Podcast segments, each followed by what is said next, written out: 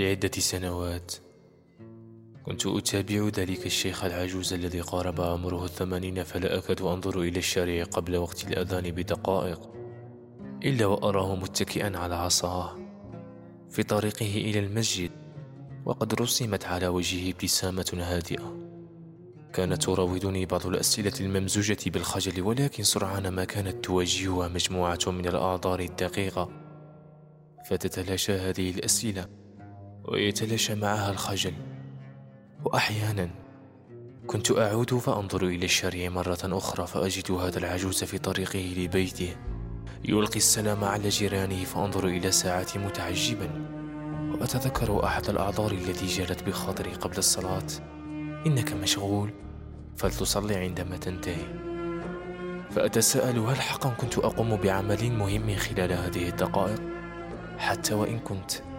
ما يضر هذا العمل إن قطعت منه بضع دقائق؟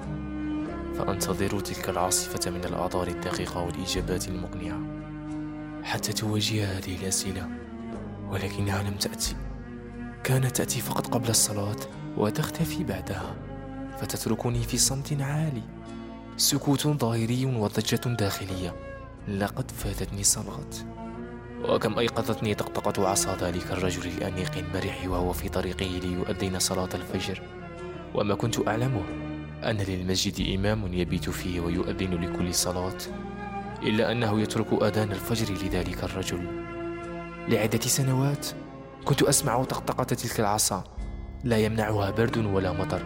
تمر السنين وتتبدل الأحوال وما زالت تلك العصا تيقظني. وكلما أيقظتني واجهتها عاصفة من الأعذار التي تبدو منطقية فأغرق في سباتي موافقا أعذاري. أقنعتني نفسي أن ذلك الرجل اعتاد أن يسهر حتى الفجر وينام بعده فهو لديه عمله الخاص ولا يطلب منه أن يستيقظ مبكرا. لذلك كان سهلا عليه أن يحافظ على صلاة الفجر لكل هذه السنوات. أما أنا فالدراسة والجامعة ثم العمل كانت أهم حججي. لسنوات وكلما طورت نفسي كنت أطمئنها بأن يوما ما سأفعل. حتى جاء يوم سألت فيه ذلك الرجل عن عمله وطبيعة يومه فعرفت أنه لا يسهر للفجر كما ظننت بل ينام متأخرا لطبيعة عمله. ومع ذلك يستيقظ كل يوم بعد سويعات نوم قليلة ليؤذن صلاة الفجر. لم تجادلني نفسي هذه المرة فلا عذر لها. ومع فجر اليوم الجديد بعد أن هممت للصلاة همست إلي نفسي إنه فضل الله يؤتيه من يشاء. يوما ما سيهديك الله. فغرقت في السبات وقد فاتتني صلاة لعدة سنوات كنت أرى ذلك العامل البسيط لا تفارق الابتسامة وجهه. وكلما نظرت إليه شعرت بالرضا. كانت رؤيته تبعث الطاقة الإيجابية بداخلي مجرد أن يسمع الأذان يغلق دكانه ويسير في خطى هادئة إلى المسجد. في المرات القليلة التي زرت فيها المسجد لاحظت أنه يتوضأ ويأخذ مكانه بجانب الجدران ويصلي ركيعات قبل الإقامة ولكنها لم تكن صلاة بل كانت حالة حالة من العشق بينه وبين ربه. صلاة مختلفة. كنت أسمع له أنينا خافت فيثير في نفسي فضولا وغبطة كان منغمسا في صلاته. وكأنه لا يرى أحدا. هادئا مطمئنا خاشعا. كان يستغرق في الركعة الواحدة الوقت الذي يستغرقه غيره لأربع ركعات. يطيل الركوع والقيام بعد الركوع والجلسة بين السجدتين. تساءلت في نفسي ماذا يقول؟ أيعرف أذكارا لا يعرفها غيره؟ أحببت صلاته وتمنيت أن أصلي مثله ولكني لم أستطع. لم يكن الأمر سهلا كما اعتقدت. لم أعرف لماذا فسرعان ما يئست وعدت كما كنت. فاتتني صلاة بعد صلاة. لعدة سنوات كنت أتابع هؤلاء وفي, نفسي سؤال كثيرا ما كنت أفكر فيه وأسأله.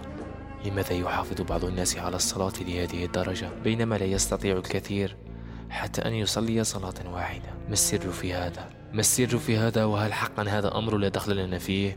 يؤتيه الله من يشاء ولا يؤتيه لمن يشاء. ولو كان الأمر كذلك فلماذا سنحاسب على الصلاة؟ أول من نحاسب لو كانت الصلاة أمرا إلهيا لا دخل لنا فيه لماذا إذا هذا الثواب والعقاب بشأنها؟ كل هذه التساؤلات كانت بداخلي. لذلك كان لابد أن أبحث عن إجابات لها. فكرة أنني يمكن أن أودع هذه الحياة وليست في صحيفتي سوى ركيعات قليلة كانت تزعجني وتؤلمني. قررت أن أسأل هؤلاء الذين نادرا ما فاتتهم صلاة لأتعرف على أسرارهم. أيضا درست سير وعادات الناجحين في حياتهم بشكل عام فوجدت تشابها كبيرا بين الصفات وعادات الناجحين في المحافظة على الصلاة وبين الناجحين في حياتهم مما غيروا الواقع وتركوا بصمتهم. وها أنا أكتب لكم هذا الفصل بينما أجلس في مكتبي أستمتع بتناول قهوتي بعد أن استقبلت يومي بصلاة الفجر في وقتها. تلك العادة التي كان لها الأثر الأكبر في حياتي.